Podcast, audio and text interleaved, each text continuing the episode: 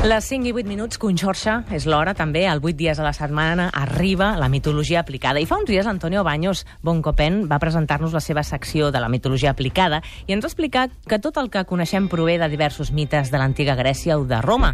I avui ha tornat per parlar-nos sobre la Bíblia d'una manera molt diferent com la coneixem i segur que ens sorprendràs una mica, oi, Antonio? Sí, perquè l'actualitat eh, està a l'Orient Mitjà, uh -huh. eh, la lluita entre israelians i palestins, que ja a la Bíblia surt la lluita entre israelians i filisteus, que era el nom antic de Palestina, tot i que els palestins actuals no tenen res a veure amb els filisteus que surten a la Bíblia, però realment aquest conflicte és molt antic i doncs eh, volíem apropar-nos a la Bíblia des d'algun punt de vista una mica desdramatitzat i curiós. No? Deixa'm dir que diu molt poc com a gènere humà que encara estiguem en aquesta... Exacte. Exacte, fi. que estem en els mateixos problemes des de, de sempre, sí, sí, de sempre.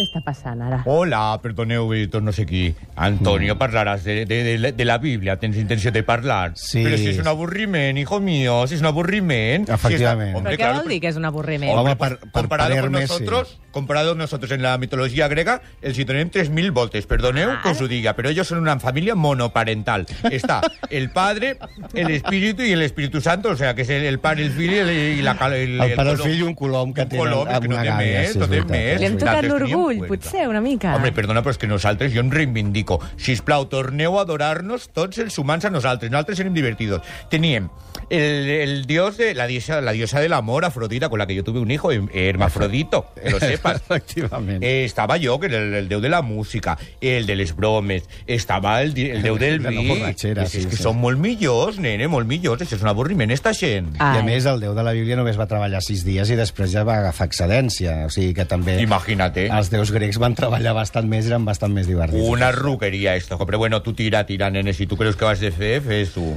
Ara, he, he de dir-li, senyor Hermes, eh, o senyor Déu Hermes, que el Déu de la Bíblia té algunes avantatges davant seu, que és molt de Hollywood. Perquè, fixa't, Armagedon és una cosa seva, el diluvi universal és una cosa seva, Sodoma i Gomorra també. És a dir, s'han fet moltes més pel·lícules de Hollywood perquè les seves catàstrofes, perdoneu, les catàstrofes de la Bíblia són catàstrofes com cal, eh? Perdona, sí. Un peliculero. Eso es lo que era, un peliculero. Mira, ara t'explicaré un dels seus càstigs mítics que segur que molta gent no, no recorda la Bíblia, no? perquè, Porque no estaban. perquè no, no, no ho sap, però és un dels càstigs més sutils i cruels que va fer el Déu de la Bíblia o a la Bíblia i que té a veure amb això. Hace años que sufro en silencio las hemorroides. Desde que uso Emoal, parece como si las hemorroides encogieran. Para las hemorroides, Emoal.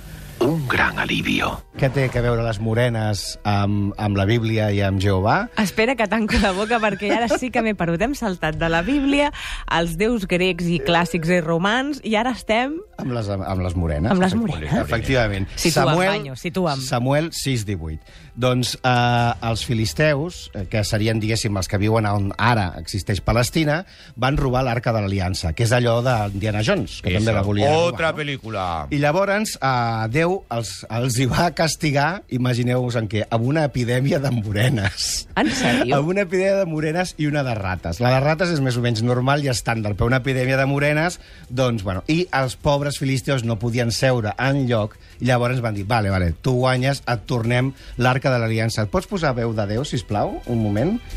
Perquè llavors van tornar a l'arca de l'Aliança, però Déu no es, va, no es va calmar i els hi va fer un càstig, que diu Feu unes figuretes de les vostres morenes i d'aquestes rates que devasten el país i així donareu glòria al Déu d'Israel.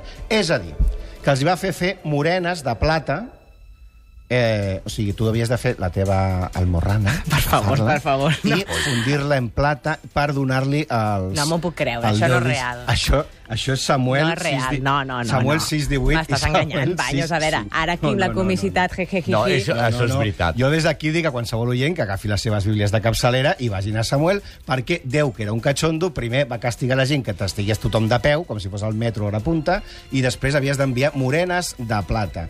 Això, Hermes, és un catxondeo, és, bo, eh? Eso, és bona. eso es verdad. Yo me recuerdo perfectamente de eso porque nosotros lo veíamos desde el Olimpo y pensábamos, claro, míratelo, como él no tiene culo. Ah, pues claro. És Prou, veritat, prou, perdona. prou. Perdona, Prou, nosaltres prou. això no ho faríem mai. No, no, bueno, no. estem fets a imatge i semblança. És a dir, semblança més o menys, més o menys. Això és un desgavell. Escolta, qui era el filisteu més famós de el tots? filisteu més famós és, és Goliat, efectivament, que era un home que media 2,90, o sigui que jugant amb el gasol... Ni Manu té vol, no?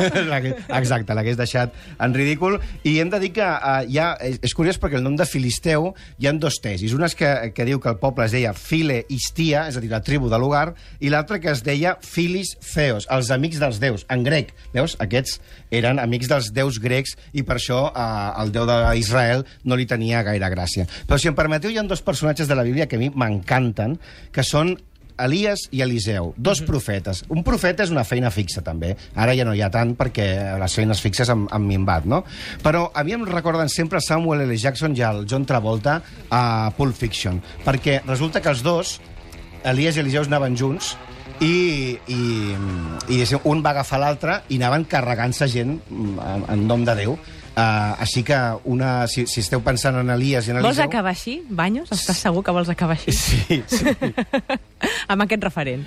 Sí, sí, amb aquest referent. He, he de dir que Elias va matar a 450 sacerdots degullant-los un a un i Eliseu va matar a 43 nens invocant a dos ossos només perquè li havien dit que estava calvo. És a dir, imagina't uh, quins dos profetes tenia la Bíblia, un tarat, Elias i Eliseu. un tarat, un tarat, uno- unos tarados de la cabeza en lo que eren. Bueno, però és el que et deia, pel·liculero i punky. Molt, molt. Escoltem, no, la pel·lícula? Sí. Oye, si te empeñas en no ver, busca al buen pastor, pero mi nena tiene los ojos bien abiertos. ¿Y eso qué coño significa? Pues que se acabó para mí. A partir de ahora puedes considerarme retirado. ¡Santo cielo! No blasfemes. ¡Hostia puta, He Jules! dicho que no hagas eso. Oye, ¿por qué coño te cabreas tanto? Se lo voy a decir a Marcelus. Oye, abandono. Eso, y explícale también el por qué. No te preocupes, lo haré. Sí, y te apuesto 10.000 dólares Jo a tinc que la se me haga. sensació que moltes pel·lícules, i això no, vaja, no perquè jo tingui la sensació, ho diu tothom, no? que estan reflexades en les grans trames que hi ha a la Bíblia, i Sí, sí. Tarantino segur que s'ha inspirat en això, Sí, també. aquest era el moment en què Elias deixava de ser profeta i de, li deixava el seu, el seu mantell a Eliseu, que era quan retirava Samuel L. Jackson perquè continués Travolta. Efectivament, eh, els profetes d'Israel semblaven molt els pistolers de, Tra- de Tarantino, així que a la Bíblia, si la llegeixes amb ulls tarantinians, sempre trobes coses divertides. Antonio Baños, em trec el barret, de debò. Sí. Fins la setmana que ve. Una Fins la abraçada. setmana que ve.